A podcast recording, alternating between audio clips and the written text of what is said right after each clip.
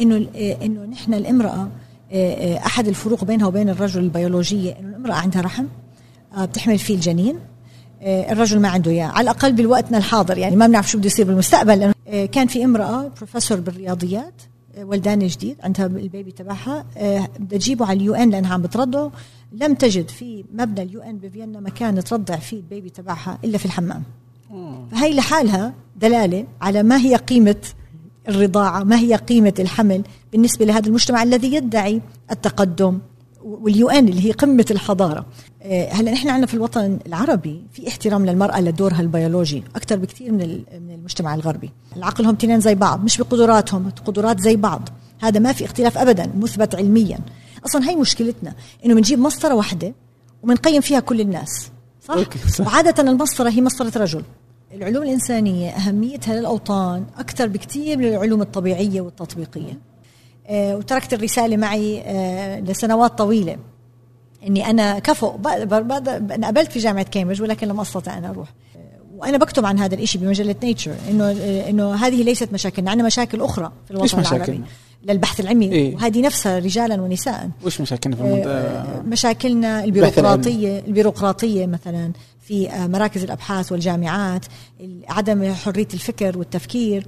هاي الأشياء اللي بتحد البحث العلمي نظرية التطور هي تفسير لكيفية نشوء الكائنات الحية المختلفة في الكرة الأرضية. آه، فهي اكتشاف لقوانين قوانين الطبيعة اللي حطها رب العالمين.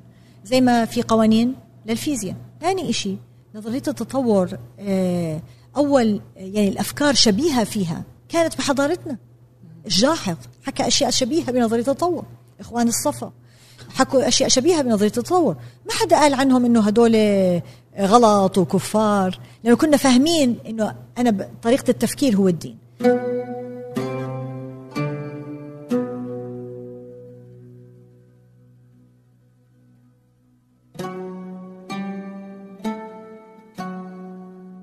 أهلا. هذا فنجان وأنا عبد الرحمن أبو مالح. ضيفتي اليوم هي رنا جاني رنا هي بروفيسورة الأحياء متخصصة في بيولوجيا الخلية في الجامعة الهاشمية الأردنية. ضمن قائمة أكثر عشرين عالمة مؤثرة في العالم الإسلامي في مجال العلوم. أجرت أبحاثا كثيرة ولها تجربة رائعة جدا ولديها كتاب عن الأوشحة الخمسة الأم المعلمة العالمة الرائدة الاجتماعية والمدافعة عن حقوق المرأة والإنسان.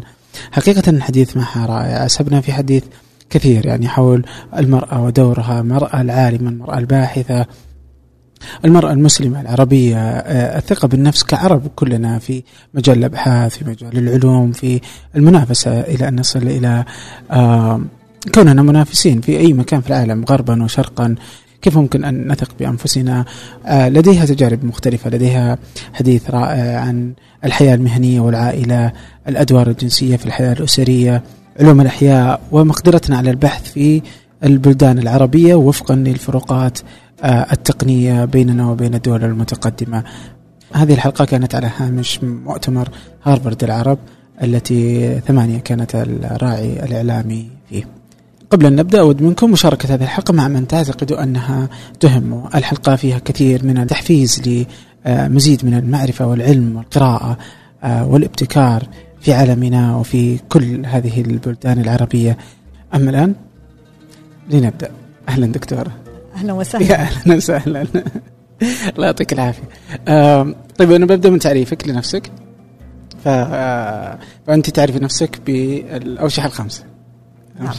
آه فتقولي أنه أنت أم معلمة عالمة آه رائدة اجتماعية ومدافعة عن حقوق المرأة والإنسان.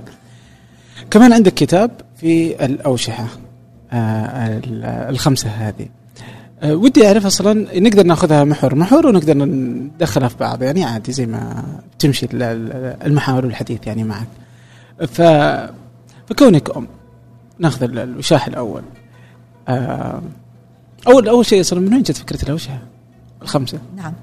عادة في الحياة نحن بنلعب أدوار كثيرة بحياتنا نساء ورجالا. آه، وبالثقافه الأجنبية بيقولوا آه، لما يقول أنا بلعب عدة أدوار بيقول أنا بلبس عدة آه، قبعات.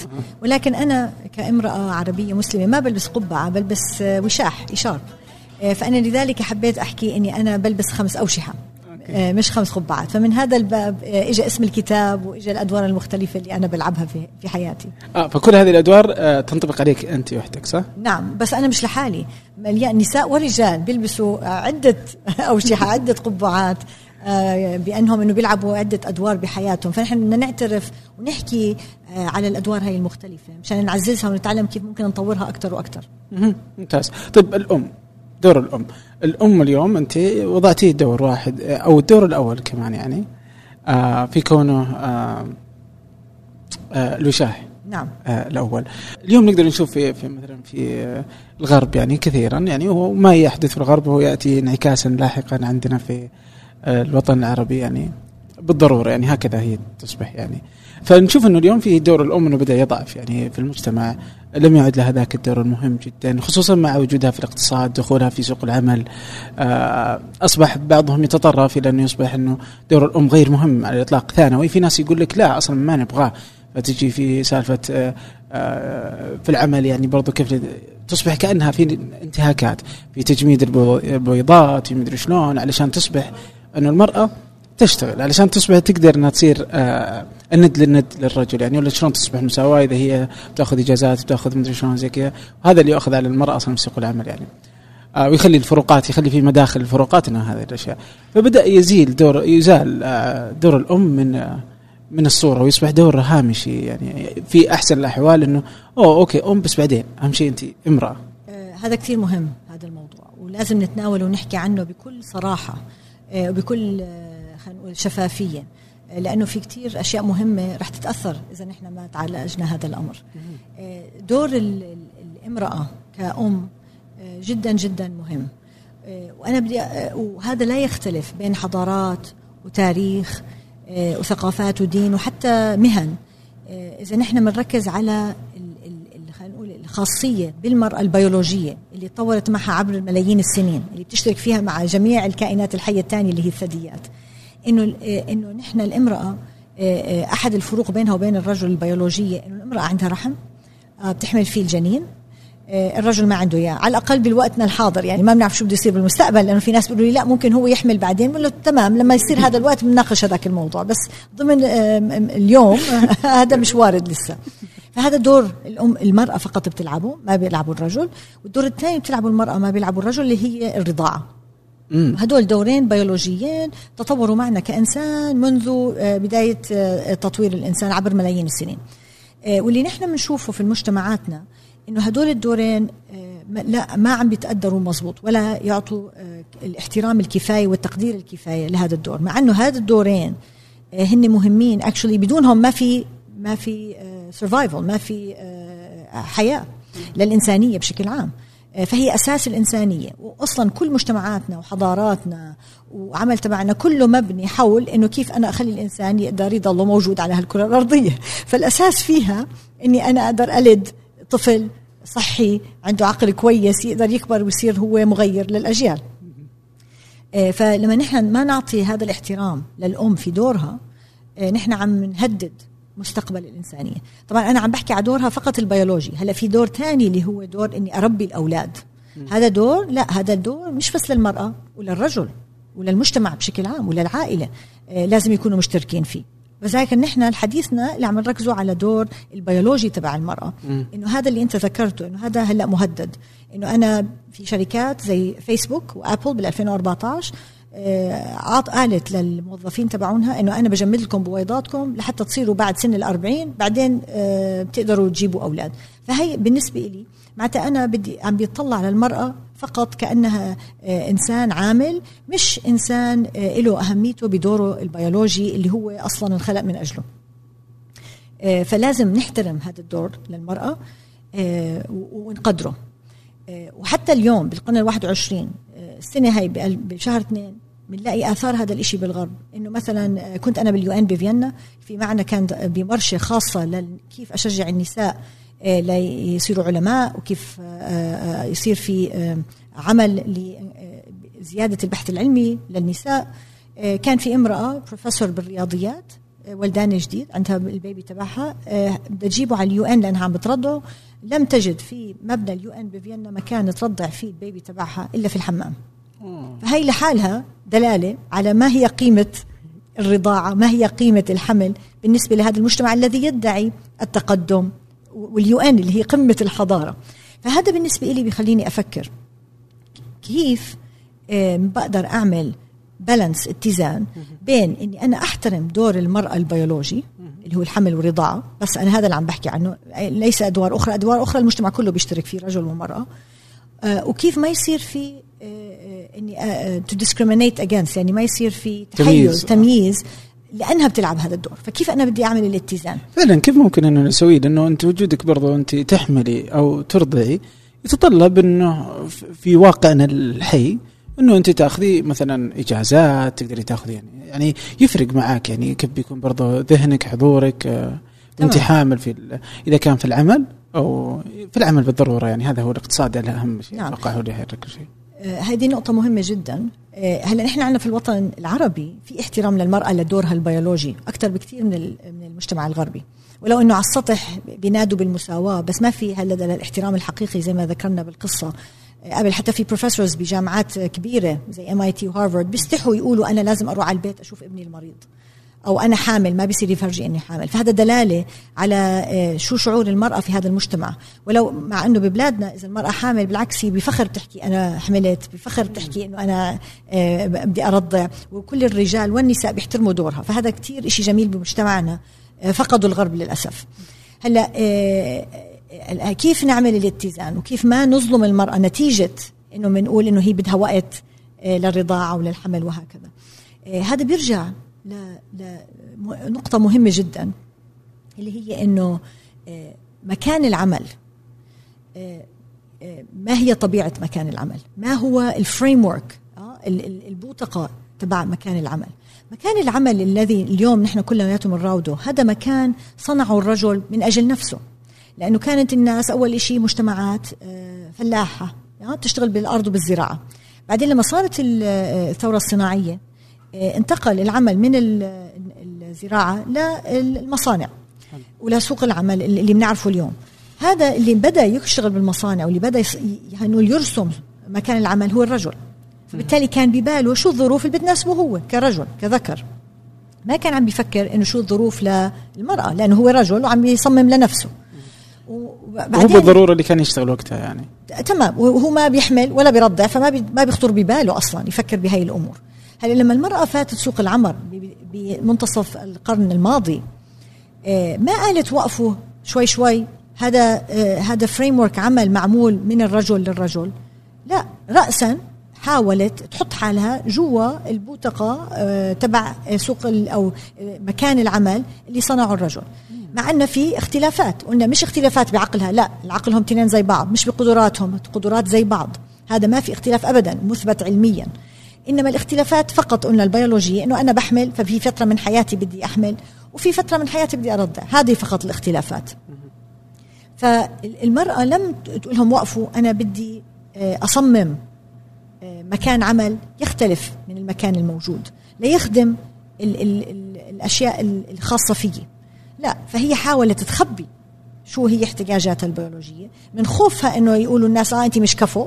آه, آه وبالتالي هي اللي آه النتيجة إنه اللي دفع الثمن هي والمجتمع لأنه صارت هي مش قادرة آه, آه، تقدر هذا الدور والمجتمع بطل يحترم فيها هذا الدور.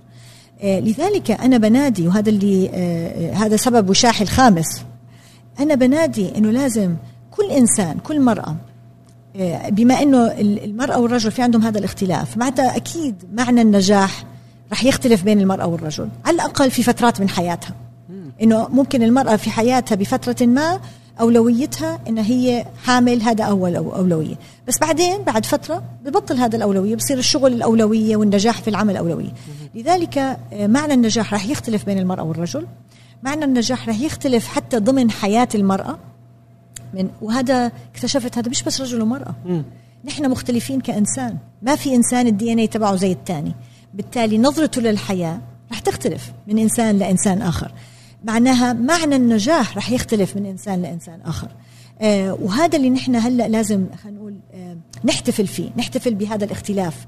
نحتفل بهذا ال آه الجمال في الاختلافات بين الناس. ونقول لكل إنسان أنت لاقي شغفك. وابدع فيه. فممكن أنا كم وهذا معلش تغيره بحياتك. مش شرط إنه إذا أنا اخترت هذا اليوم يعني لازم يضل معي للمستقبل. فأنا مثلا كامرأة ممكن اليوم أقول أنا بدي أكون عالمة وباحثة وبركز كل أولوياتي هناك.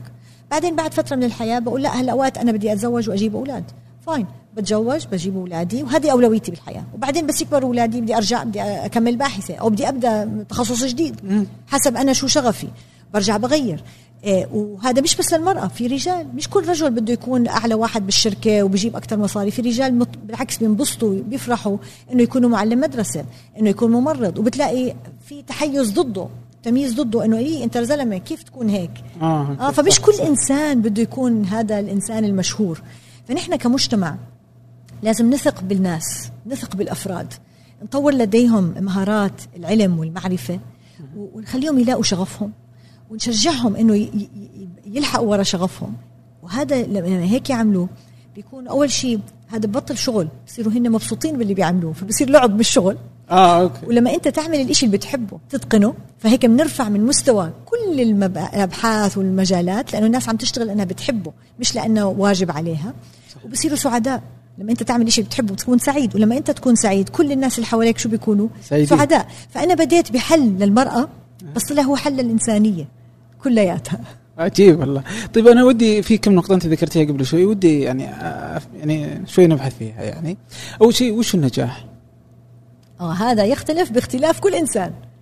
آه. فهذا السؤال لازم تسأله لكل إنسان. النجاح لكل إنسان بيختلف باختلاف الدي ان اي تبعه. آه، وما في نجاح واحد. وهذا من جمال آه، وسبب إنه نحن قادرين نتطور كإنسان إنه في اختلاف. لكلياتنا عندنا معنى واحد للنجاح.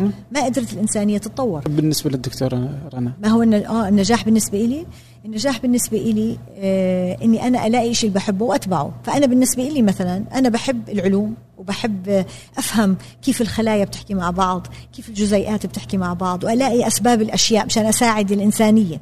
فهذا بالنسبة لي معنى النجاح. معنى النجاح بس هذا مش لحاله. أنا بلبس خمس قبعات فإلي آه. معاني كثيرة للنجاح. في فترة من حياتي لا معنى النجاح إني أنا آه، أربي جيل. واعمل بصمتي على أولادي اولا ثم على الجيل اللي حوالي وأعمل تغيير في هذا الجيل بالقدرة اللي أنا عندي. آه، في نجاح تاني إنه لما أنا أجد إني أنا قدرت أغير طفل أو اغير امرأة أو اغير طالب إنه يقدر يعرف ويكتشف الشغف اللي بداخله ويكتشف العالم اللي حواليه. بالنسبة لي هذا أكبر نجاح إني أنا قدرت أساعد حدا تاني ليكون هو مغير في مجتمعه. طيب قبل شيء أنت ذكرتي إنه إنه غير ال- الفرق ال- البيولوجي للمرأة بين المرأة والرجل اللي هو اللي مثلا إنه هي بترضع بتحمل. قلت إنه في كل شيء حتى القدرات. يعني فعلا اليوم مثلا شفنا مثلا في المبارزات كيف إنه يفصلون الرجال عن النساء يعني الممارسات الرياضية والمنافسات الرياضية بالإجمال إنه يفصلونها وإنه اي إنه هذا غير لا يوجد تكافؤ بين الرجل والمرأة في المنافسات الرياضية. طبعا هلا أنت بتحكي المنافسات الرياضية. لأنه الرجل يختلف حتى انت آه، كيف بنيته ال- الجسمانية. يعني لما تحكي عن المنافسات الرياضية أنت عم تحكي على القدرات العضلية. مهم. تمام؟ آه، وهي بتحكي على الوزن. يعني حتى بين الرجال بفئة مثلا حمل الأثقال في فئات. الرجل اللي وزنه هالقد بيلعب بهاي الفئة ما بصير يلعب مع الرجل بوزن فئة تانية. فهذه قدرات فيزيو يعني آه، فيزيولوجية ما إلها علاقة بقدرات العقلية والمهارات. القدرات العقلية والمهارات العقلية هي لا كل ما بتدربها أكثر كل ما بتعلمها أكثر كل ما بتصير أحسن فما إلها دخل بين الرجل والمرأة آه، جوابا لسؤالك فبالرياضة هذا قصة قدرات يعني تشوفين. إنه لو 50 كيلو 50 كيلو مرأة رجل نفس الشيء يعني لا أنا بحكي إنه في. في اختلافات بالبنية آه مش بالقدرات العقلية بالبنية تختلف بين المرأة والرجل. فحتى يعني آه، إحنا عم نروح لمكان آخر بس حتى لو بدك تقارن امرأة وزنها 50 رجل وزنه 50 ال... ال... خلينا نقول التوزيع العضلي يختلف فما بيصير ينافسوا بعض. يعني المرأة شكل جسمها يختلف عن شكل الرجل. بالتالي مش معقول آه، أقدر أقدرهم بنفس المسطرة. أصلا هي مشكلتنا إنه بنجيب مسطرة واحدة وبنقيم فيها كل الناس صح؟ صح. وعادة المسطرة هي مسطرة رجل. آه. صح؟ آه، أنت ذكرت الرياضة الرياضة استثناء أنا بحكي في الحياة في العمل. آه، كل المسطرة معمولة هي مسطرة واحدة اللي هي مسطرة الرجل. وبناء عليها كل شيء بيتكون وهذا خطأ. آه أتفق. يعني إنه مثلا خصوصا يعني إذا قلنا إذا إذا, إذا افترضنا إنه مثلا إنه الرجل أقوى جسديا يعني ففي ناس يجي يقول لك أوكي إذا هو أقوى جسديا خلاص إذا هو يكون في الجيش ما المانع ان تكون القائدة آه، والمفكرة يعني مدب يعني رئيسة الجيش امرأة. دام انها هي ما حتشارك. فإذا هي بس بعقلها وأنتم اللي أقوياء يلا خلونا نحط هذه بس انها مو موجودة. لكن أه صحيح بس هذا هو التفكير صح؟ إني أنا حسب شو هي الوظيفة أو شو المهمة أه بكون مسطره لهي المهمة. آه فإذا كان أنا الوظيفة أو المهمة اللي أنا بدي أوكلها بدها عقل ساعتها أنا بقيم بهي المسطرة. إذا بدها عضلات بقيم بمسطرة مختلفة. فإحنا مشكلتنا اللي هي آه، إنه بدنا نوحد الكل وبدنا نستعمل مسطرة واحدة لكل شيء فهنا لازم نتوقف وناخذ خطوة لورا ونقول استنوا شوي. آه، وهذا مثل مشهور إنه بيجيبوا إنه بيقيسوا قدرة الحيوانات كلياتهم على يتسلقوا شجرة. طب السمكة ما بتتسلق شجرة؟ هل هي معناها قاصرة؟ لا. عندها قدرات ثانية إنها بتتنفس تحت المي. إيه؟ فهذا هذا خلينا نقول طريقة التفكير اللي نحن لازم نفكر فيها ولازم نربي أجيالنا يفكروا فيها. مستمعي فنجان القدامى يعرفون إكسير البن والأصدقاء في إكسير البن كانوا داعمين لفنجان أكثر من مرة. هذه المرة عندهم خدمة جديدة إحنا في ثمانية نستخدمها. وهي مريحة جدا. لكن قبل أحكيكم عن الخدمة إذا كنتم من سكان الرياض ودي أنصحكم نصيحة. وهي أنكم تزورون فرع إكسير البن الجديد في الحمراء فرع رائع صممته شهد العزاز إحدى ضيوف فنجان السابقين. كنا في ثمانية في هذه الخدمة من أوائل الناس المشتركين فيها. هي اشتراك شهري عبر المتجر الإلكتروني تصلك نكهتين مختلفتين من البن كل شهر. شهر من السلفادور وكينيا شهر ثاني من إثيوبيا واليمن ولا تتعب نفسك وتحتار وتختار. اشترك مرة واحدة واستمتع بالقهوة تصلك أينما كنت في السعودية أو خارج السعودية. الاشتراك في الخدمة متوفر عن طريق موقعهم إكسيرالبون dot com إكسيرالبون dot com أو ابحث في جوجل إكسيرالبون راح يكونون في أول النتائج. وي آه سواء اشتركت في الخدمة أو لا إذا رحت الفرع اهمس في إذن الساقي فنجان. يمكن يعطونك قهوة ببلاش.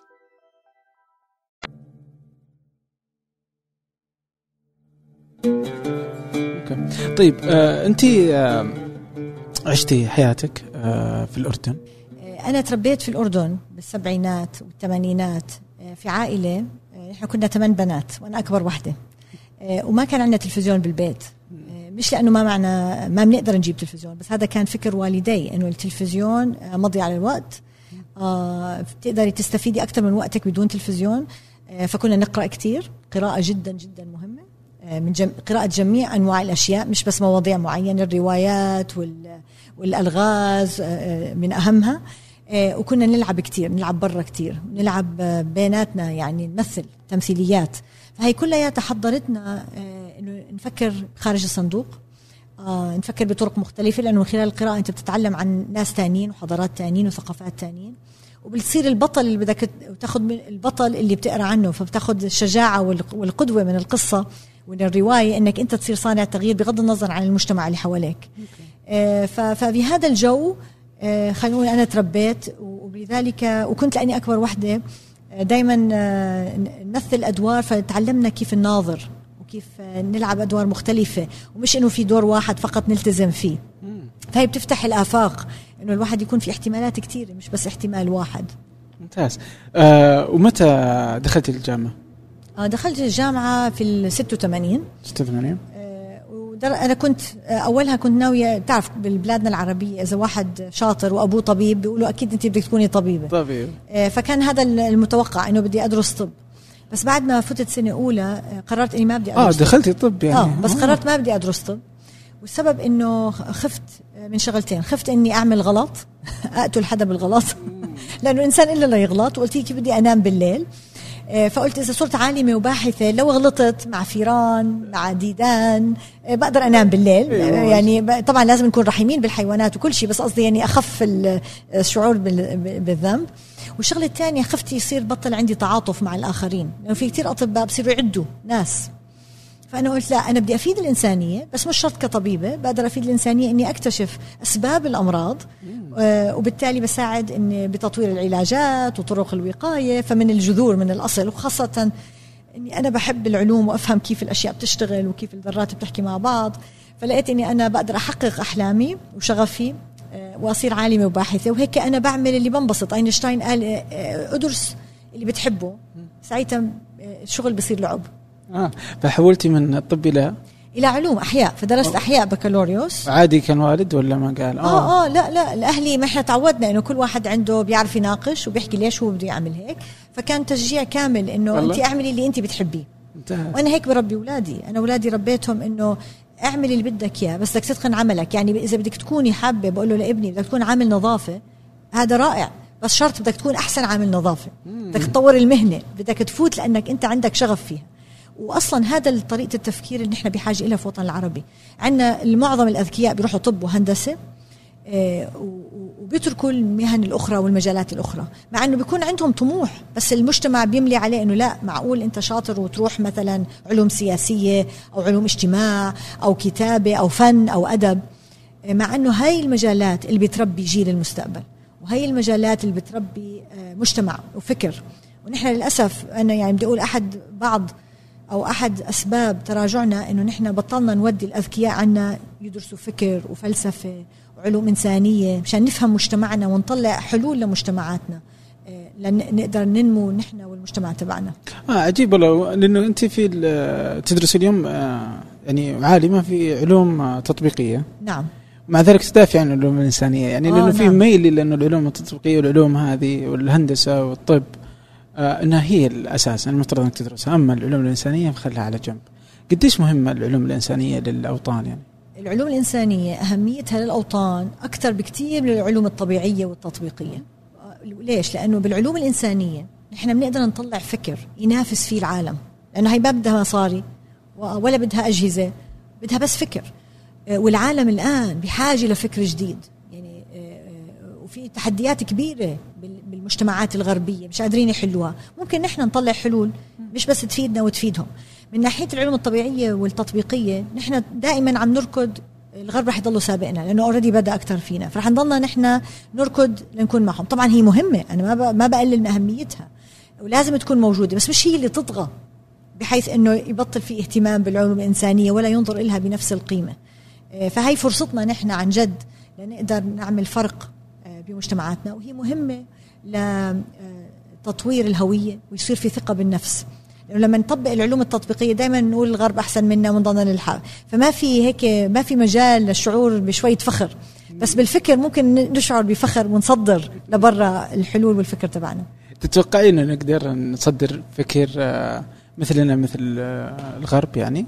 آه طبعا. خاصة بالعلوم الإنسانية.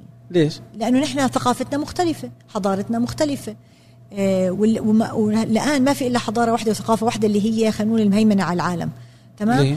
آه، لانها هي الأقوى بهذا بالوقت الحاضر. وهذه آه، هذا تاريخ الإنسانية. يعني كل دولة بتصير هي الأقوى.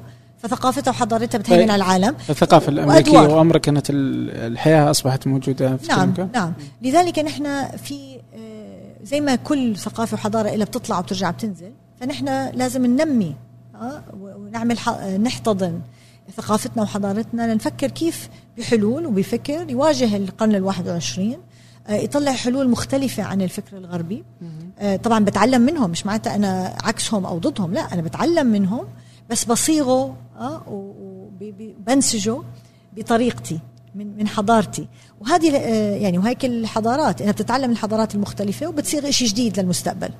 وهكذا دلوك يعني. فنحن بدنا نشجع شبابنا الصغير إنه يفكر بهي الطريقة. وهذه ما بتجي إلا لما نشتغل جوا المدرسة ونبدأ من الطفل من هو صغير. إنه يصير يفكر خارج الصندوق نعلمه كيف يكون عنده مهارات الانتقاد الإيجابي طبعا آه، وكيف يتقبل الرأي الآخر آه، ويفكر آه، كيف أنا بقدر أتعلم وأشتغل مع غيري مش بس أشتغل لوحدي. هي كلها مهارات نقدر نعلمها لأطفالنا من المدرسة من عمر صغير. واصلا هذا وشاحي الثاني دوري الثاني إني أنا معلم. معلمة مربية. وبعتبره هذا ثاني أهم وشاح أو دور بلعبه بعد دوري كأم. لأنه كأم ما في حدا بيقدر يعوضني كأم. كل إشي تاني بيقدر يعوضوني بس أنا الوحيد اللي بقدر أكون أم لأولادي. فالدور الثاني المهم إني لما أكون أنا معلمة ومربية لأنه الأطفال بي- بيقعدوا مع المربيين والمعلمين في المدرسة قد ما بيقضوا في البيت وخاصة لما يكبروا بصير اذا أكثر وأكثر بيقضوا في المدرسة. فدور المعلم جدا جدا مهم بتربية جيل المستقبل. ولو نحن كمجتمع عربي بنحط قيمة على المعلم والأب والأهل والأم آه، بيتغيروا مجتمعاتنا لأنه هدول اللي بيربوا جيلنا المستقبل. كيف ممكن نعطي المعلم آه قيمة؟ إنه نحكي قصصهم آه ويكونوا قدوات لجيل الصغير. مشان لما البنت الصغيرة أو الولد الصغير بالمدرسة يطمح لدور يشوف المعلم الدور اللي بيطمح له. وهي بتيجي من الحكي في البيت. لما أنا كأهل بربي أولادي إنه المعلم كتير مهم وبقدر دوره. لما أنا ألعب دور معلم آه، وأقدر قديش دوره مهم أنا بغير الحكي في المنزل وإذا غيرت الحكي في المنزل بغير كيف طريقة التفكير الأطفال. مشان هيك أنا لو آه، عمري صرت في موقف مسؤولية وهي مطالبة للجميع إذا عمره صار في موقف مسؤولية إنه لازم نطالب إنه الطلاب اللي بيتخرجوا من الجامعات آه، يروحوا يدرسوا في المدارس ولو لسنة واحدة. زي خدمة خدمة المجتمعي أو خدمة الجيش. كيف كل واحد لازم آه يخدم. أوكي. ولازم كل إنسان يخدم في في التعليم. لأنه أنت لما توقف قدام الطلاب بتدرسهم بتفهم شو تحدياتهم آه، بتقدر المعلم آه وبتقدر المجتمع والأهل والتحديات اللي بتصير.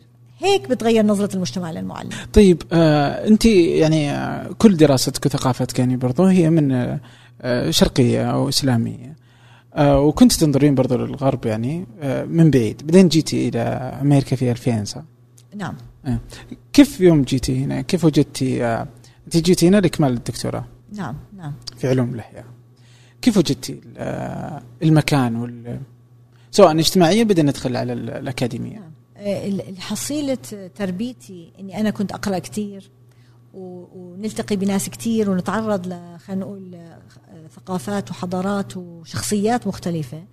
آه، خلى هذا عندي تقبل الآخر عالي جدا. آه، بحيث لما ألتقي مع إنسان آه، دائما بحتمل إنه هو ممكن يكون صح وأنا أكون غلط. آه هذا هي مهارة جدا جدا مهمة. وهذا لازم نعلمها لأولادنا. وهذا لا يعني بالضرورة إني ممكن أوافق على الآخر ولكن إني أنا مستعدة أسمع للآخر. نحن عندنا مشكلة ما بنسمع بنفكر بس نحن الصح. ما بنصدق الثاني يسكت مشان نحن نحكي رأينا. لا نسمع حقيقة. فنحن من خلال القراءة المختلفه المتنوعة بصير عندنا هاي المهارة. فأنا لما رحت آه، بالعكس يعني تعلمت كثير وبنفس الوقت شاركت كثير فهي انت بدك تسمع لغيرك بس بنفس الوقت بدك تحافظ على هويتك مين انت. ويكون عندك الفخر تقول أنا هيك بطلع على الأمور. أنا هي نظرتي. ويكون عندك ال ال ال ال الأسباب ليش أنت بتفكري هيك. مفكري فيها وهذه بتيجي لما أنت تتعلم تناظر وتحكي وحدا يسألك رأيك وحدا يناقشك فبتتعلم تنمي كيف أفكر. وبيكون عندك خلينا نقول الارجيومنتس يعني المناقشات جاهزة لتجاوب أي شيء آه، ومع تقبلك إنه ممكن تكون خطأ. فتاخذ اللي يجي سمعته جديد وتفكر فيه آه، بعمق وتحاول تلاقي طب أنا كيف بختلف مع هذا الشيء هل ممكن أتغير؟ أتغير بس بناء على ماذا؟ وهذا الفكر اللي نعلم أولادنا مش إنه أنا آخذ بس تلقين لا لازم دائما أي شيء بيعطيني إياه أسأل عنه من وين وليش وكيف فأنا هيك بكون أقوى بكثير لما أواجه فكر آخر. آه، إني أنا عندي ثقة بنفسي أتقبل أسمعه مش أرفضه لأني خايفة. وبنفس الوقت آخده أعرضه على نفسي أشوف شو إشي كويس فيه جيد آخده وإشي مش كويس أرفضه. وليش رفضته؟ كيف وجدتي الأكاديمية في الولايات المتحدة يوم جيتي؟ هل هي كما هو متصور عن الغرب والبحث العلمي والحياة في الغرب؟ آه أم أنه هناك فعلا تحديات كثيرة للبحث العلمي نعم. هنا برضو كما هي موجودة عندنا. فهمت عليك أوكي. آه، طبعا لما أنا آه، جيت على أمريكا لأعمل الدكتوراه تبعتي وأدرسها وبعدين أعمل أبحاثي فيها. آه، أخذت على عاتقي أول شيء إنه أنا بدي أعمل أحسن بحث علمي مش أي بحث علمي تمام؟ فهذا إتقان العمل ومستوى الأبحاث اللي أنا بدي أعمل فيها. آه، ومن هذا الباب قلت بدي أتعلم قد ما بقدر كمان من جميع المجالات آه، والأدوات والمهارات ضمن تخصصي وخارج تخصصي. على أساس أستغل الفرصة بما أني أنا موجودة. هون مشان أقدر لما أرجع أفيد بلدي. مش بس بتخصصي الدقيق إنما بأي شيء لأني بعرف لما أرجع يمكن ما أقدر أعمل اللي أنا عم بعمله هون. آه، فكانت هذه خلينا في عقلي الباطن إنه أنا بدي أتعلم قد ما بقدر آه، من من من هي الفرصة من هذا المجتمع. آه، وأفهم النظام تبعهم. أفهمه لأنه أنا جاي بنظرة مش جاي بس أتلقى جاي أتعلم من من ناحية. مشان أقدر آخذ شو الأنظمة الكويسة شو الأشياء الكويسة آخذها وافيد فيها بلدي. بس بنفس الوقت كان عندي ثقة بنفسي وهويتي. فأنا لما دخلت على هذا المجتمع أو هذا النظام الغربي أنا فايتة إنه أنا عندي ثقة بنفسي إنه أنا ممكن أقدم شيء لهذا النظام. أنا كرنا العربية مسلمة جاي من الأردن ممكن أقدم إشي آه، أنصح هذا النظام. آه، وأغيره للأفضل وأساعدهم إنه هن يحسنوا نفسهم. فالعملية مش بس هن يعطوني one way هي two way. أنا أعطيهم هن يعطوني فهي عملية تشاركية على نفس المستوى.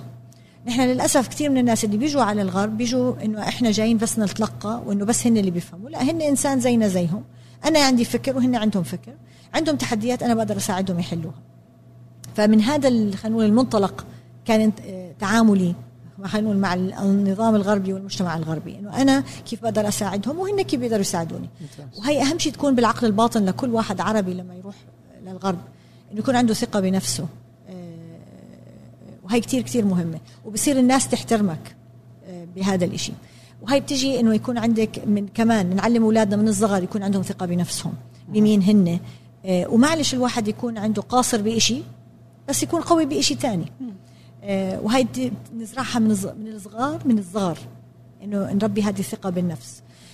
فأنا تحسين هناك عندنا العرب ثقة بالنفس؟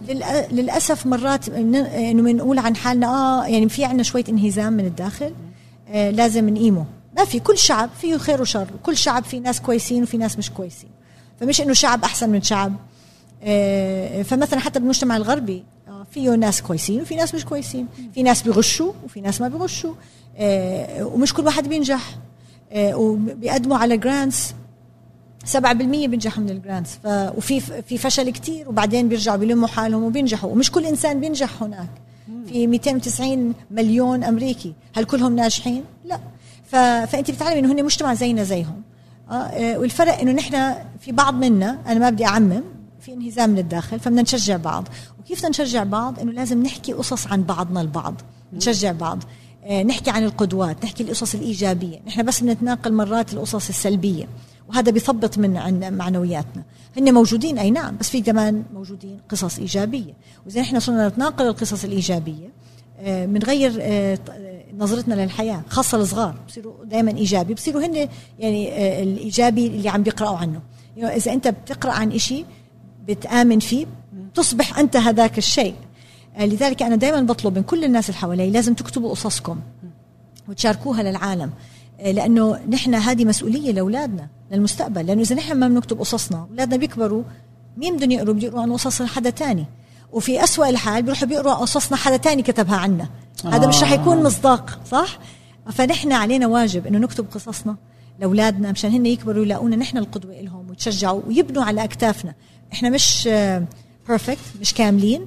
ولكن نبدأ بمكان ما وبعدين نساعد بعض ونبني على بعضنا البعض.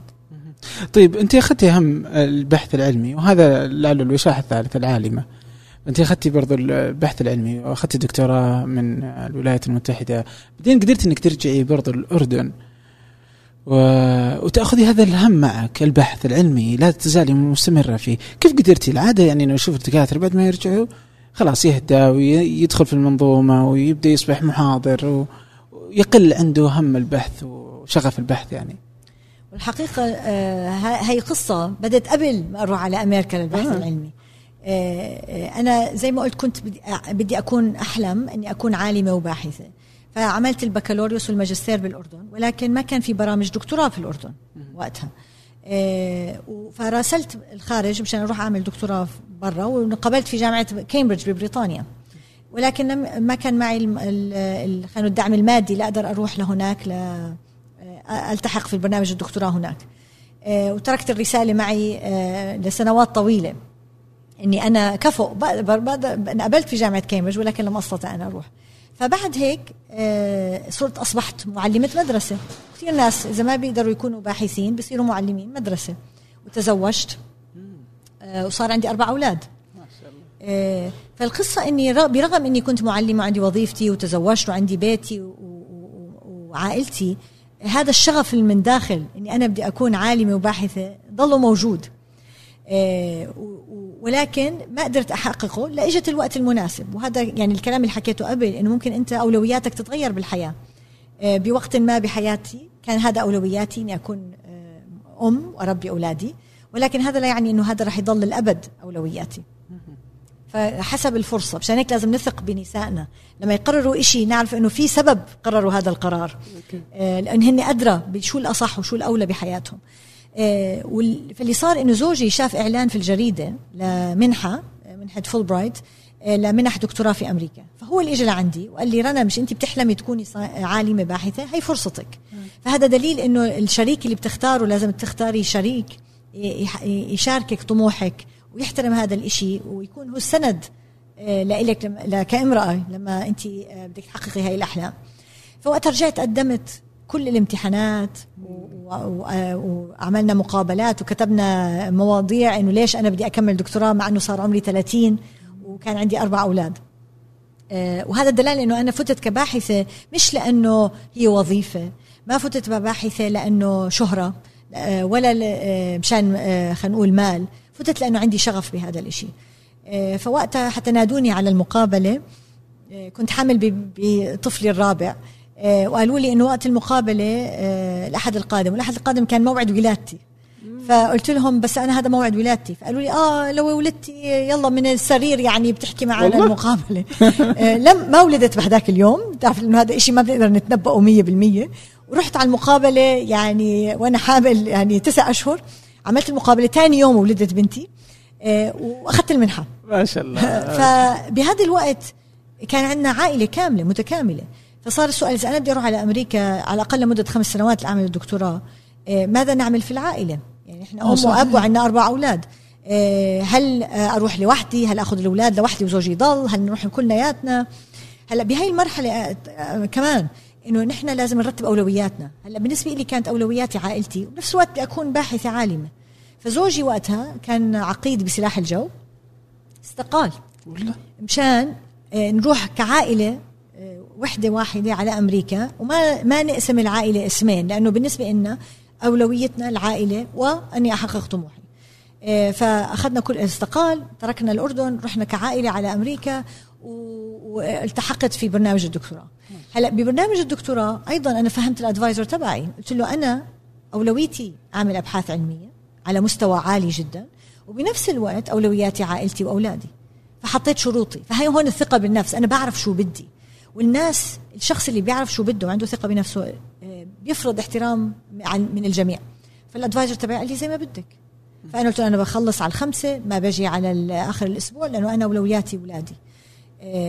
ف آه، ولكن برغم إني أنا حطيت هدول الشروط لأنه أنا مرتبة أولوياتي أنا خلصت بنفس الوقت اللي خلص فيها الطالب اللي كان يقضي طول الليل في المختبر وخميس يعني والعطلة في المختبر لأني آه، أولوياتي واضحة أهدافي واضحة. ومركزة في ومركزة في الساعات اللي وعندي شريكي اللي معي وأولادي اللي معي اللي خليتهم يكونوا جزء من البحث العلمي. فأنا كمان هي شغلة ثانية إنه أنت لما تعمل إشي خاصة كأم أو لأب إنه ما ما آه، تخلي عائلتك خارج شغلك. احكي لهم شو عم تعملي. فأنا كنت أحدثهم عن البحث العلمي أفرجيهم النتائج تبعوني أسأل رأيهم بصدق. آه، فلما ماما تتأخر آه هي عم بتجرب أفكارنا عم بتجرب الاقتراحات تبعونا فهن بيشعروا إنه هن جزء من هذا البرنامج وهيك انت بتكوني قدوة لأولادك. أنت حتى تقولي إنه آه إنه لا يجب أن يكون هناك فصل ما بين الحياة المهنية والحياة العائلية. يعني في المكان هذا يعني وهذا تحدي بحد ذاته يعني. هي كيف أنت بتنظر للأمور؟ يعني أنا بنظر للأمور إنه أنا اللي عم بعمله لأنه شغفي اللي هو البحث العلمي بحب أعطيه لكل اللي بحبهم حوالي أعلمهم اللي أنا عم بتعلمه. اخليهم يشعروا بالنشوة والأشياء الحلوة اللي أنا عم بشعرها. فكانوا مشان هيك جزء دائما من الحياة. وهذا اللي خلاني لما رجعت على الأردن آه، مش بس يلا محاضر وباحث وبس يعني أعد أيام وأعد آه، مناصب لا. أنا يعني لو بدي أعمل هيك كان عملت إشي أسهل بكتير. أنا عندي شغف لذلك كنت بدي أعمل بحث علمي على مستوى بدي أعمل مختبر مشان الطلاب يجوا يشتغلوا فيه آه، وأحقق آه، بحث علمي على مستوى عالي ينافس في البحث العلمي اللي بيصير في العالم. إيش كان بحثك؟ آه، طبعا بحثي لما كنت في الدكتوراه كان على أحياء جزيئيه وكنت أحكي أدرس أبحث كيف الخلايا والبروتينات الجزيئات داخل الخلايا بتحكي مع بعضها البعض بالطريقة الطبيعية؟ آه، بالتالي مشان أفهم لما يصير في إشي غلط كيف بيتطوروا الأمراض المختلفة. ولكن هذا البحث لما اجيت بدي أطبقه في الأردن لما رجعت لم أستطع لأنه هذا بده تكنولوجي كتير كتير عالي مش موجود عندنا في بلادنا. ولكن آه، بحث الدكتوراه شهاده الدكتوراه هي ليست النهاية هي فقط محطة على الطريق. من الدكتوراه الإنسان بيتعلم المهارات التفكير آه، الطريقة العلمية بالبحث العلمي بحيث توظفها بأي مكان بأي مجال. فأنا رجعت أشوف كيف بقدر أعمل بحث علمي على مستوى عالمي ضمن القدرات اللي موجودة داخل بلدي. سويته فبديت أقرأ أقرأ كثير أعرف العلم وين موصل آه وأفكر شو إشي أنا بقدر أعمله. ولقيت إنه ما حدا دارس المجتمعات الشركس والشيشان في العالم كله. وهدول المجتمعين معزولين جينيا كثير مميزين. نقدر نستعملهم لندرس أسباب وراثية للأمراض لم تدرس في من أي مجتمع تاني في العالم. وهدول موجودين عندي في الأردن لا بدي أسافر ولا بدي أروح. وهيك أنا بقدر أقدم بحث علمي يناهض البحوث العالمية بالمستوى اللي أنا بدي إياه لأنه أنا مشان هيك فتت العلم مش مشان أي سبب آخر. آه، وهذا بذكرنا في قول عالم آه، فاز فيزياء فاز بنوبل برايز بيقول العالم اللي بيشوف كل شيء شافوه الناس بس بيفكر بطريقة مختلفة. وهذا لأنه الشركس والشيشان صار لهم بالمجتمع آه، عندنا 150 سنة بس ما حدا فكر يدرسهم. فأنا لأني اطلعت في هذه النظرة الثاقبة وهذا هو أساس البحث العلمي إني أعمل ملاحظات وبعدين اتصير أتساءل. فبدينا ندرسهم وصلنا نحن مش أنا وشغلي ومختبري آه، خلينا نقول ال experts يعني في المجتمع الشركسي والشيشاني بكل العالم بحيث إنه العلماء في العالم من أمريكا وأوروبا بيجوا لعندي بدهم يشتغلوا معي لأنه نحن آه، اعتبرنا أصبحنا الاختصاصيين في هذا المجال وحتى نشرنا بمجلة Nature اللي هي تعتبر الأجنبي الغربي آه، هذا حلمه وطموحه قدرنا نحن نحققه. آه والله. طيب آه، وش كان وش كان البحث أصلا؟ وش كانت نتيجته إيش طلع؟ آه إيه، هو مش بحث هو عدة أبحاث سلسلة من الأبحاث لا تنتهي يعني لساعتها شغاله آه أبرز الأشياء اللي آه من أبرز الأشياء إنه اكتشفنا جين جديد آه. آه له علاقة بتطور مرض السكري آه في الإنسان بشكل عام. ونشرناه طبعا الحمد لله بمجلة Scientific Reports آه، ما حدا كان مكتشفه من قبل. فهي أحد الأشياء اللي اللي نحن قدمنا فيها للمجتمع العلمي وللإنسانية.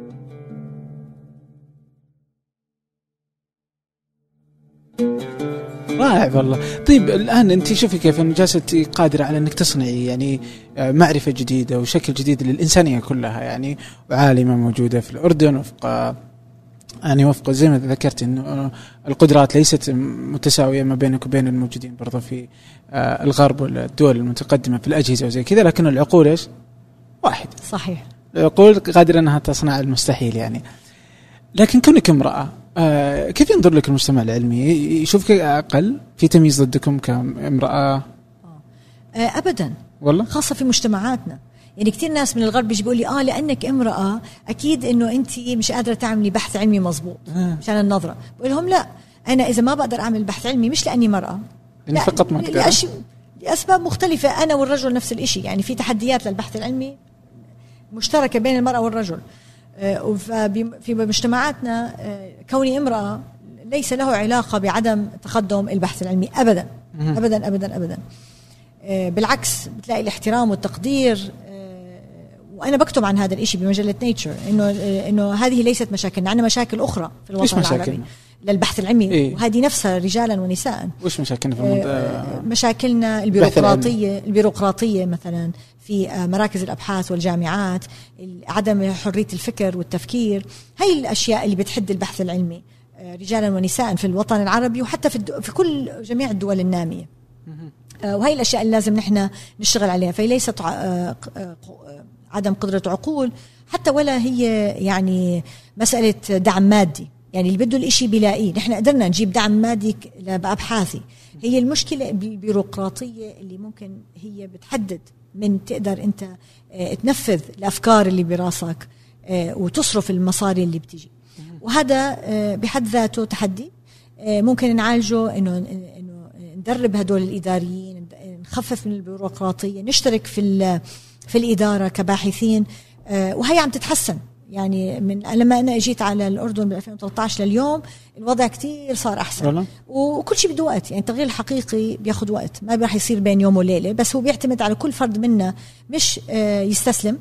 بالعكس آه، كل ما يعني يفشل أو يصير إشي يلم يحلل يقول ليش هيك ويحط خطة تغيير للمستقبل. يمكن هو ما يشوف ثمارها بحياته ولكن راح يجنيها الجيل اللي اللي جاي بعده. طب إذا عربيا أنا أحس يعني كذا أقدر أشوف إنه فعلا إنه ما في ممكن يكون تمييز ضدك بالعكس يعني ممكن يشوفون يعني شغلك يؤدي. طب كونك أنت مسلمة للغرب يعني فيها قد صارت إنه تمييز ضدك؟ ابدا. أنا ما شعرت. ولكن هذا لا يعني بالضرورة مش موجود. هو موجود. ولكن يمكن أنا لأني الدوائر اللي بشتغل فيها في الغرب بتكون عادة علمية أكاديمية. فبالتالي هدول الناس متعلمين. وكل ما في علم أكثر كل ما في احترام أكثر وتقبل للآخر. كل ما في جهل أكثر كل ما في عدم تقبل للآخر. فالمجتمعات الغربية اللي ما بتتقبل آه، المسلمين أو كذا لأنه بتكون فيها عنصر من الجهل وعدم معرفة للآخر آه اللي بتعزز هذا الشيء آه هلأ يعني في تحديات للمرأة آه، بشكل عام مش خاصة بالمرأة العربية ولا خاصة بالمرأة المسلمة بالمرأة بشكل عام بكل الإنسانية يعني المرأة الغربية بتواجه تحديات كباحثة أكثر يمكن حتى من المرأة العربية. آه، بالتالي في أشياء مشتركة كمرأة بالعالم مش خاصة في الوطن العربي وهي جدا قصة لازم نحكي فيها. آه، من وفي أشياء نحن بالوطن العربي نعملها للمرأة تستحق الدراسة لأنها بالعكس إيجابية. إحنا دائما نسمع أشياء سلبية. امم زي في أشياء إيجابية. مثلا على سبيل المثال الغرب يشتكي إنه عدد البنات اللي بيدرسوا العلوم الطبيعية والهندسة وال IT والرياضيات قليلة جدا. صح. أه؟ لما يجوا لعنا ويعمموا على العالم بيقولوا آه نسبة النساء والبنات في هذه العلوم سموها STEM science technology engineering medicine mathematics قليلة. بس أما أنا أجي على الوطن العربي وأطلع على الاحصائيات عدد النساء والإناث اللي بيدرسوا العلوم والرياضيات والهندسة والآي تي أعلى آه، من بالغرب أعلى بكثير يعني فوق ال 50 و60% و70% ببعض الحالات. ما حدا بيحكي عن هاي. فأنا بقول لهم يا غرب نحن عم نعمل إشي صح. نحن عنا البنات بيروحوا هاي المجالات. تعالوا تعلموا منا. شو نحن عم نعمل صح؟ تيجوا تعلموا منا. إيه هلا هاي كثير مهمة نحكي فيها. مشان يكون عندنا فخر بحالنا ونقول لا نحن بنعمل أشياء صحيحة. هلا رغم هيك نحن بنعرف بسوق العمل لا الأعداد بترجع بتنزل ولكن هي مش خاصة في الوطن العربي هي بكل العالم. إيه. فلازم نميز ومش نعمم بدون ما نحن نفهم الفروقات. اي فعلا يعني ممكن إنه نعرف إنه في مشكلة بس بعض المرات هذول الأمريكان يعني لما يأخذوا مشكلة يحطوها على العالم كله وإحنا بعض المرات نأخذها معها. بس إنه فعلا يمكن نقدر نشوف إنه لا والله فعلا هذه النقطه إيجابية عندنا ممتازة. تمام. بدنا نلقى إنه لا في العمل. خلونا نحل مشكلة العمل. فنصير إحنا في الثنتين أفضل منهم. صحيح فممكن صحيح. بس خلينا نحل مشكلة العمل مشكلة مدري المشاكل المجتمعية المشاكل الأخرى اللي بتجعل من المرأة تكون أفضل وكيف ممكن تكون وفقا لثقافتنا يعني. تمام. وتاكيدا لكلامك أو كيف نقدر نحققه إنه نحن مشان هيك بدنا علماء اجتماع. آه صحيح. وعلماء آه تاريخ وعلماء فلسفة مشان ندرس هي الأشياء بمجتمعاتنا. إحنا بنستنى الغرب يجي يدرسنا. فأول شيء يعني آه، آه، قد ما كان حيادي هو جاي بنظرة مختلفة عن نظرتنا مش رح يفهم ثقافتنا وحضارتنا. خارج يدرسها صح تمام. فنحن بدنا أذكياء من عنا يدرسوا هاي المجالات ويعملوا أبحاث علينا نحن منا وفينا مشان نقدر نتعلم شو الأشياء الصح اللي عم نعملها وشو الأشياء الغلط عم نعملها ونطور برامج تعزز الصح وتعالج الخطأ. وهي البرامج مش بس رح تكون تفيدنا بنصير نحن نفضلها للخارج يستفيدوا منا آخرين. والله فعلا يعني هنا تكمن أتوقع أهمية العلماء اللي نحتاجهم في الأنثروبولوجيا في علم الاجتماع في علم الفلسفة في هذه العلوم. مثل هذه هي اللي بتضيف لنا وتخلينا أصلا مش ماديين بالضرورة حتى برضه نقدر نفهم مجتمعنا أكثر. ننافس حتى. ننافس إيه على مستوى عالمي. ليش لا؟ طبعا هنا ما أشوف في مشكلة نقدر ننافس اللهم إنه نحتاج بعض الأدوات. طيب في نقطة كذا. آه كذا في الأحياء بما إنك عالمه في الأحياء وشوية كذا شوية الناس يعني في بعضهم فاهمينها فيعترضون عليها وودي أنا أفهم حقيقة آه اللي هي آه نظرية التطور. آه اي يعني خلينا ندخل في سالفة معينة يعني. آه فأنت من اللي مؤمنين بنظرية التطور وأحدهم كتب إنه الدكتورة رنا كانت أشجع من الكثير ولم تخفي مواقفها وموافقتها آه لنظرية التطور وأدت أمانتها العلمية والأخلاقية والمهنية والدينية. آه فكيف يتقبل المجتمع السنة الإسلامي هذه؟ وكيف أنت برضو وجدتي المسألة نعم. هذه؟ أولا هي ليست مسألة إيمان. هي حقائق. هذه أشياء علمية حقائق علمية آه، نحن نذكرها بندرسها نتكلم فيها. فهذا أولا. آه ثانيا ال- ال- التطور هي عبارة عن مفهوم التطور أو نظرية التطور هي تفسير لكيفية نشوء الكائنات الحية المختلفة في الكرة الأرضية. آه، فهي اكتشاف لقوانين قوانين الطبيعة اللي حطها رب العالمين. زي ما في قوانين للفيزياء في اللي هي قانون أينشتاين قانون نيوتن هذول القوانين نكتشفها بتفسر آه، كيف الظواهر الطبيعية آه، بتحصل حوالينا. فمن نفس هذا المضمون بالنسبة إلي ديني عقيدتي آه، وأنا بحكي عن عقيدتي كأسلام هي وطريقة حياة. آه، القرآن آه، هو كتاب يعلمني كيف أنا أتصرف كإنسان مع الناس التانيين اللي حوالي وكيف أتصرف كإنسان آه، كمسؤول عن الطبيعة والبيئة حوالي. كيف أعيش باتزان كيف عندي مسؤولية أدير بالي على البيئة أدير بالي على الكرة الأرضية أدير بالي على أخوي وأختي الإنسان. إني أعاملهم بالطريقة الصح. فالدين الإسلامي اجى يهذب أخلاقنا. كيف نحن نتعامل كيف عندنا أخلاقيات كيف عندنا نفكر بالمسؤولية. آه، وشجعنا وجعل أهم الأشياء اللي نحن ممكن نعملها في هذا المجال إنه كيف نكون مفكرين ويكون عندنا تفكير ناقد. آه، كيف نعمل الحقيقة. القرآن بيحكي عن البحث العلمي بطريقة جميلة اللي هي بيقول انظر ثم انظر وتفكر. هذا بحث علمي صح؟ بنظر بتفكر بسأل لماذا وبحاول أصمم تجربة وإذا ما زبط برجع بنظر مرة ثانية فالقرآن عم بيعلمنا كيف نفكر كيف ننظر للأمور ولا يعطينا الأجوبة بمعنى النظريات العلمية. هو لأنه هو بيعطينا كيف نفكر عشان نضلنا نستكشف. آه، لأنه ال- الإنسان الطبيعة ثابتة. الإنسان اللي بيولد وبيتغير وكل واحد فينا مختلف فكل مرة بيطلع على الطبيعة بطريقة مختلفة فبيكتشف إشي جديد. فلو كان كل الأجوبة موجودة في القرآن كعلم أنا بحكي ببطل في عنا سبب إنه نروح نكتشف ونسأل لأنه الأجوبة بتكون كلها موجودة.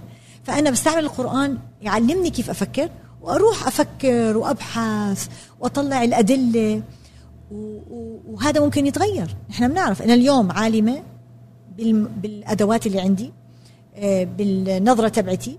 بفسر الظواهر الطبيعية تبعتي. ممكن بعد جيل جيلين 100 200 سنة يجي عالم جديد عنده أدوات متطورة أكثر يفسر الظواهر بطريقة ثانية وهذا الجميل بالعلم إنه إنه نحن كعلماء أصلا أساسنا إنه دائما لازم نكون شكاكين. ليش؟ ومين قال؟ وكيف؟ وهذا ديننا اللي بيعلمنا إياه دائما نسأل صح؟ إنه ما تاخذ آبائك زي ما هن.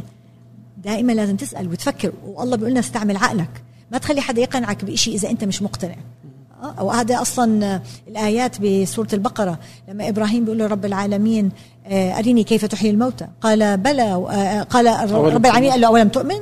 قال بلى ولكن ليطمئن قلبي. عم بيطلب ايفيدنس يعني معناتها هذه دعوة إنه روح فكر واسأل معلش. آه، فأنا لذلك بقول إنه إذا أنا كل نظرية علمية بدي أروح ألاقي تبريرها في القرآن أنا هيك بالعكس بجعل مكان للشك في القرآن. إنه ممكن هاي النظرية العلمية تتغير بعدين. آه. وأنا قلت آه شوفوا ال ال أنا لقيت ال ال الدليل بالقرآن. طب ما هو بركي أنا العلم تغير القرآن المفروض ما يتغير.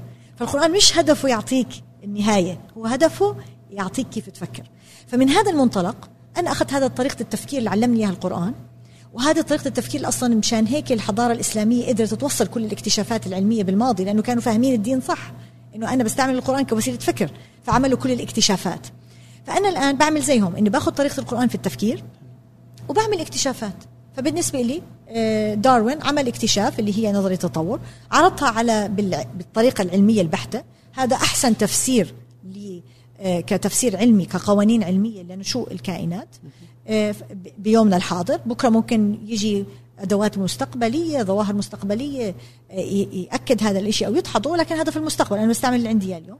فما عندي مانع ولا يوجد تعارض مع القرآن لأنه أنا ما باخذ القرآن ك آه، إنه فيه التفسير النظري لل- للعلم إنما باخده كوسيلة تفكير. فبالتالي ما في أي تعارض بين القرآن شو بيقول لي أفكر وبين الاكتشافات العلمية اللي موجودة.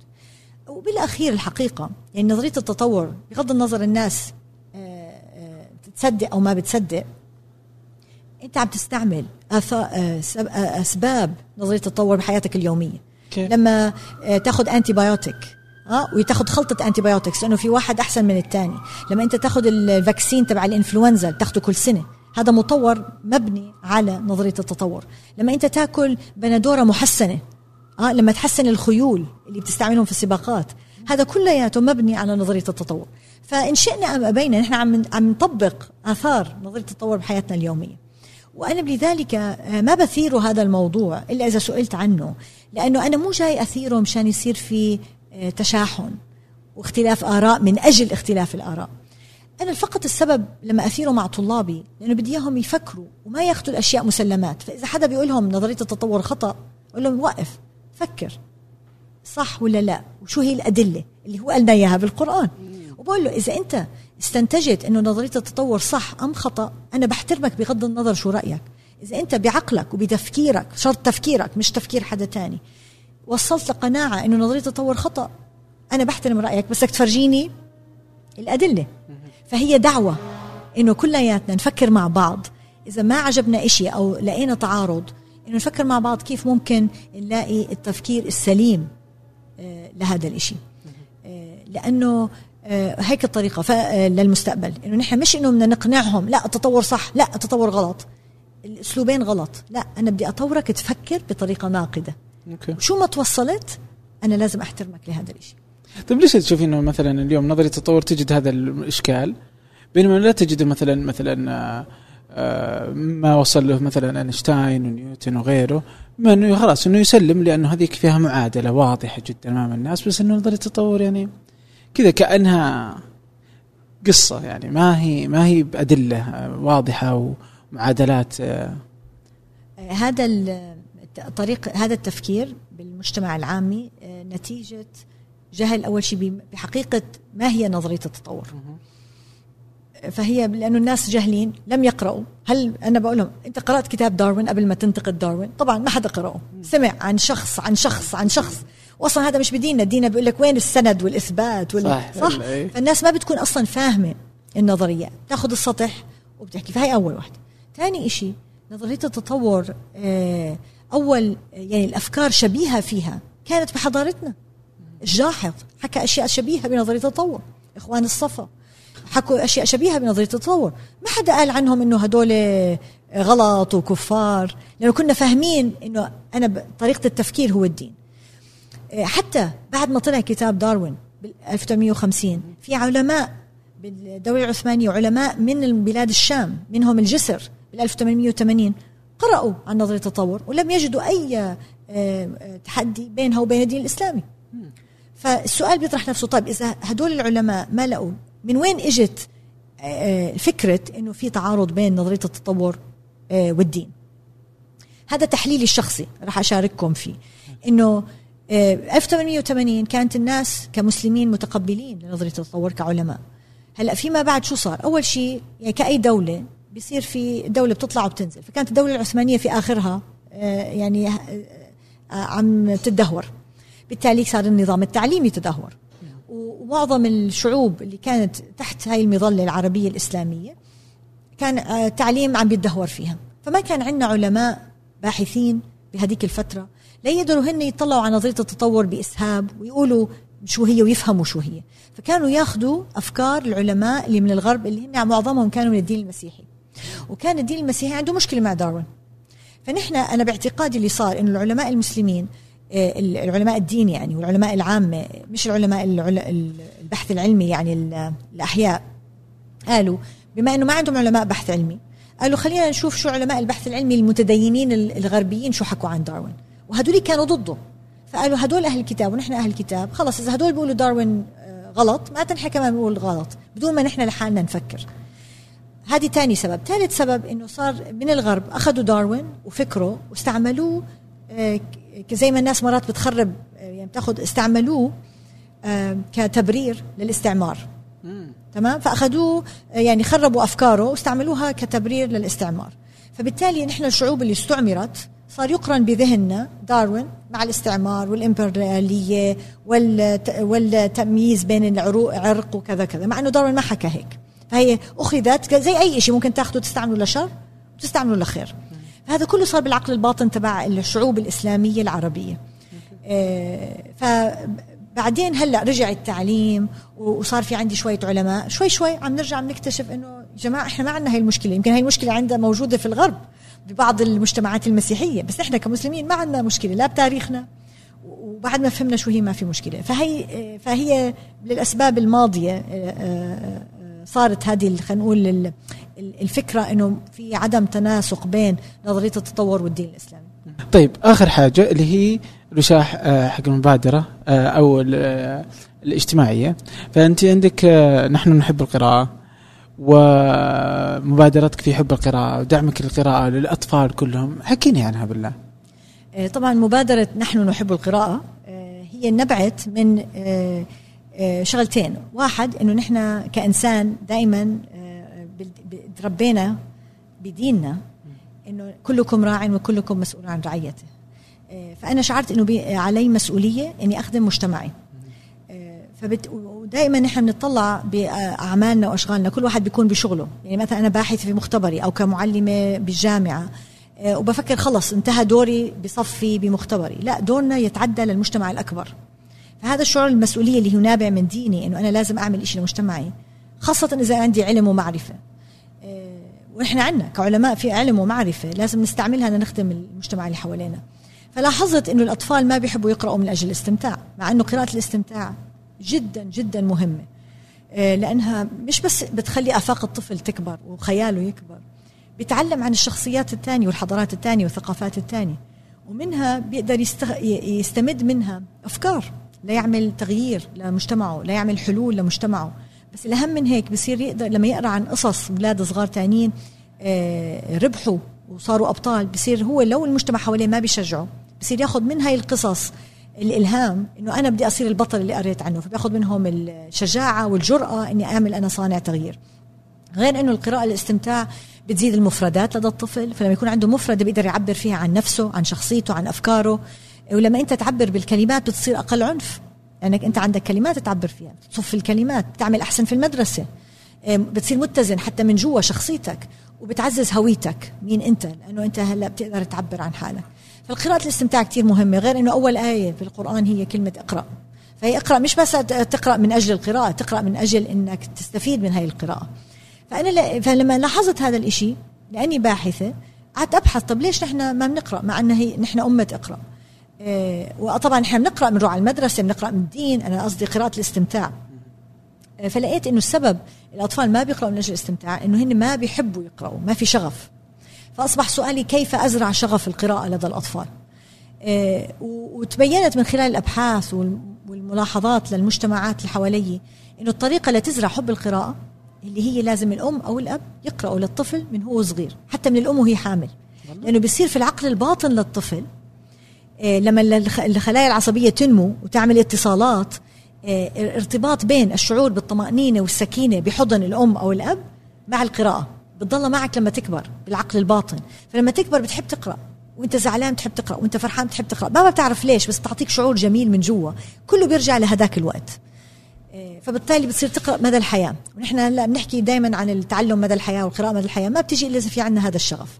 فأنا وجدت الحل. الحل إنه كل أم وأب لازم يقرأوا لأولادهم. فأنا قلت شو أعمل؟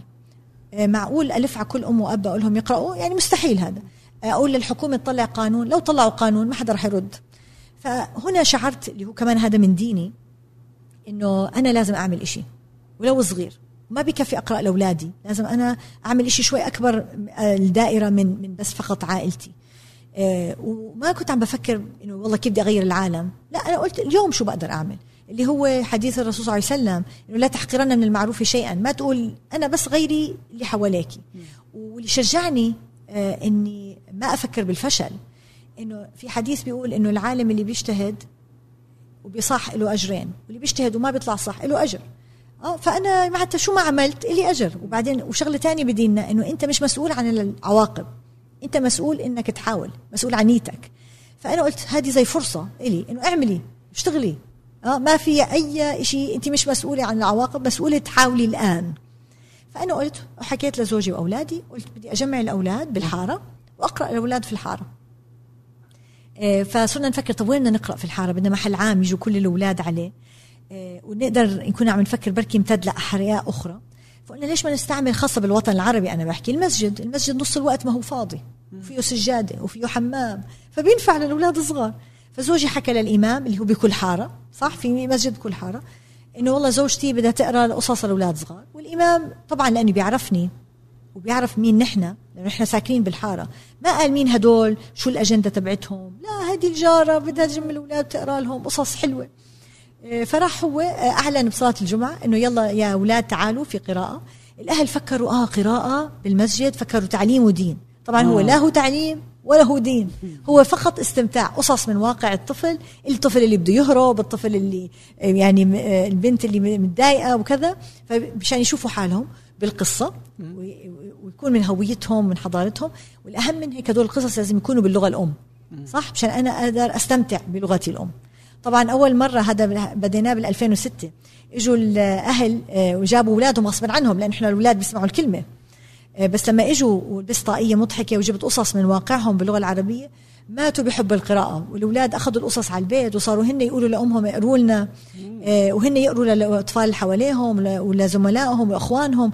فحولنا المعادل عوض ما الأهل يشدوا الأولاد للقراءة. صاروا الأولاد عم يشدوا الأهل للقراءة. وهيك ربينا آه، طفل عنده ثقة بنفسه هو بده يعمل إشي لأنه هو بيحبه وهذه هيك بتغير طريقة التفكير لدى الطفل إنه مش بس بيتلقن لا هو بيصير صانع التغيير في مجتمعه. وطبعا البرنامج بدأ هيك كصغير في الحارة. آه الآن امتد آه بكل أنحاء الأردن. آه عندنا 4000 آه امرأة ورجل بيقروا بصوت عالي في الأردن. وانتشر الآن في 50 دولة في العالم. واو. مش بس الدول النامية اللي خلينا نقول أقل حظا حتى في الدول الغربية التي تعتبر متقدمة. نحن نحب القراءة البرنامج اللي أنا بديته عم بيشتغلوا عم بيطبقوه هناك. في نيويورك في اربانا شامبين في بريطانيا في ألمانيا. وهذا دليل إنه ممكن نحن نطلع حل مش بس لتحدياتنا ما نستنى الحل يجي من الغرب وممكن نحن نصدر هذا الحل للخارج حتى الغرب يستفيد منه. آه، فهو برنامج الآن تدريبي بندرب نساء ورجال من عمر 16 لعمر 100 كيف يقرأوا بصوت عالي وكيف يصيروا رياديين اجتماعيين يعني يبدوا يقروا بالحارة تبعتهم. نحن عملنا بالمسجد بس مش شرط في المسجد ممكن يكون كنيسة حضانة تحت شجرة ببيتك أنت حرة. فالنموذج بسيط جدا وببساطته قوته وإبداعه مشان هيك انتشر في جميع أنحاء العالم. والحمد لله فاز بجوائز كثيره على المستوى العالمي. والأهم من هيك لأنه هو بديناه بشيء من الجذر لقى إقبال عند الناس. والأهم من هيك إنه مبني على البحث العلمي. لأني أنا باحثة فوتت علماء يعملوا أبحاث علمية على البرنامج ليعززوا عن جد كفاءة البرنامج تأثير البرنامج وكيف ممكن نطوره للأفضل. فعندنا جامعات محلية في الأردن وفي الوطن العربي وجامعات عالمية زي ييل وزي هارفارد وبراون يونيفرسيتي اللي بيشتغلوا معنا آه، ليحققوا الابحاث آه، آه، عفوا نتائج هذا البرنامج. والبرنامج مش بس أثره إنه زرع حب القراءة لدى الأطفال لا له صار له تأثير على الأطفال بالتصرفات بالشعور بالثقة بالنفس بعلاج الأمراض حتى النفسية لأنه من خلال القراءة أنت بتقدر تحكي عن مواضيع إيجابية عدم العنف عدم رمي عن تقبل الآخر الجندرة الناس ذوات الاحتياجات الخاصة حتى تغيير عملنا كتب عن البيئة عدم رمي النفايات الطاقة المياه وغيرنا تصرفات الأطفال من هذا الشيء ولقينا إنه البرنامج مش بس بيخدم الأطفال بيخدم الكبار. هدول الكبار اللي عم بيطبقوا. نحن نحب القراءة بنسميهم سفراء. نحن نحب القراءة. هدول بحد ذاتهم صاروا رياديين اجتماعيين بمجتمعاتهم صاروا قادة بمجتمعاتهم. معظمهم نساء هدول النساء آه، قدروا مش بس يجمعوا الأولاد ويقروا بصوت عالي صاروا يروحوا يعملوا آه، شغلهم لحالهم آه، يلاقوا وظيفة أحسن لأنه الناس صار كلياتها تحترمهم وتطلع عليهم بطريقة بسيطة وسهلة. آه، فبذلك حتى اليونسكو آه، آه، سمونا برنامج للتعليم المستمر. للكبار مش بس للصغار. فلما نحن تبدأ شيء حل من الجذر مش بس بيحل المشكلة بصير يحل مشاكل أخرى في المجتمع. لأنه الطريقة بتكون خلينا نقول تساهمية تشاركية. رائع جدا. طيب اللي الآن وده يشارك فيه يدخل على الموقع نعم هلا نحن أي واحد بيقدر يروح على الإنترنت ويفتش على باللغة العربية نحن نحب القراءة في website وفي social media على الفيسبوك وتويتر بحط رابطة كلها في وصف الحلقة كمان. نعم أيوه وبيقدروا آه، يلتحقوا فينا بيحبوا آه، يصيروا متطوعين آه، سفراء نحن نحب القراءة بيقدروا ياخذوا التدريب على الإنترنت ويبدوا بالحارة تبعتهم ويكونوا ونحن بندعي الوطن العربي والبلاد كلها في العالم إنه يكونوا هن دولة 51 اللي جاي. آه وموجودين كل أسماء الدول على ال website تبعنا بيقدروا يشوفوه. آه، آه، وبابسط الحالات إنه يقروا لأولادهم صح؟ إذا أنا ما بدي أكون سفير قراءة للمجتمع الخارجي إنه أنا أجمع أولادي وإذا ما عندي أولاد أجمع الأولاد اللي حوالي وأبدأ أقرأ لهم واقل حظا أقرأ نفسي على الأقل قبل ما أنام مشان أنا أضلني أتعلم وأفتح آفاقي وأسمع آه، لأفكار أخرى مشان أثري نفسي. آه، اللي يصير يعني كذا شيء آه، مبهج والله. يعني يبعث الفخر في كل كل الحديث حقيقة اللي أنت جالس تسويه. كل ما سمعته اليوم. اقي نقطة أخيرة يعني كان مفترض إني أذكرها في وسط الحلقة بس بسألك إياها. أنت عندك كان بحث في عن سوريا. نعم. آه فبحثت عن تأثير حرب سوريا على جينات السوريين. الحقيقة هي مش بالعلم. البحث العلمي لازم نكون دقيقين جدا. حلو.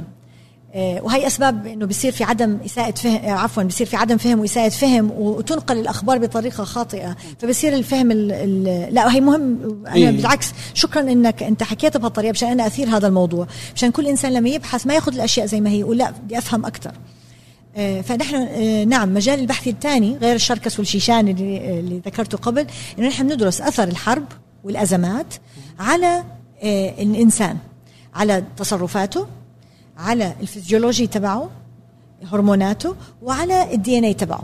فنحن لا ندرس تأثير الحرب على جينات السوريين لا. نحن ندرس تأثير الحرب على ال DNA للإنسان بشكل عام. آه، أردني سوري كلياتنا أمريكي عندنا نفس الجينات. ما في اختلاف بالجينات.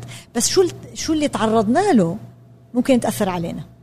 تمام؟ فما له دخل بالعرق وبالجنسية ولا ابدا. هو أي إنسان جيب واحد أمريكي عرضه لحرب رح يكون عنده نفس الأثر لواحد سوري عرضته لحرب نفس الأثر لواحد مصري عرضته لحرب فهذه مشتركة. حلو. إنما نحن لأنه مجتمعي في سوري وأردني أنا درست هدول المجتمعين. حلو ممتاز. فقط. لما أنا ما رحت على أمريكا أدرس هدول المجتمعات درستهم في المكان اللي أنا عندي. فنحن درسنا هدول المجتمعات. لساتها هي طبعا دراسات أولية. نحن ما صرنا إلا خمس سنوات عم ندرس ودائما البحث العلمي بياخذ وقت طويل ليطلع نتائج آه، لأنه الواحد بده يتأكد من النتائج اللي عنده إياها. ولكن نحن آه، قدرنا نفرجي إنه الأزمات والحروب آه، بتأثر على الفيزيولوجي هرمون الكورتيزول بيعلى آه، وهذا له أثر ممكن يأثر على ال DNA آه، للناس المتأثرين بهذه الأزمات. ولكن هذه التأثيرات ممكن إنه نغيرها. فهي مش تأثيرات بتضلها للأبد إنما ممكن إذا نحن فهمنا هي التأثيرات وكيف تحصل على الدي ان اي ممكن نطلع أدوية أو برامج لحتى تقيم آثارها هي. فنحن الآن ندرس بعض البرامج منها برنامج نحن نحب القراءة كيف إنه ممكن يكون وسيلة وبرنامج يخفف من تغييرات اللي ممكن تحصل من الحرب أو الأزمات على الدي ان اي فبسهول يعني زي أي شيء سلبي ممكن يغير أي شيء إيجابي كمان ممكن, ممكن يغير. فإحنا بنقول بدنا ندرس كيف نقدر بطريقة إيجابية نخفف آثار الحرب. على أي طفل أي إنسان معرض لهذا الحروب. آه شكرا جزيلا لك يعني آه أخذت من وقتك. آه فشكرا والله. شكرا اللي جالس تسوينه. ممتن حقيقة نيابة عن كل العرب والإنسانية كلها. ما تصنعين يعني فخور فيك. آه شكرا جزيلا لك. يعني أنت ملهمة والله.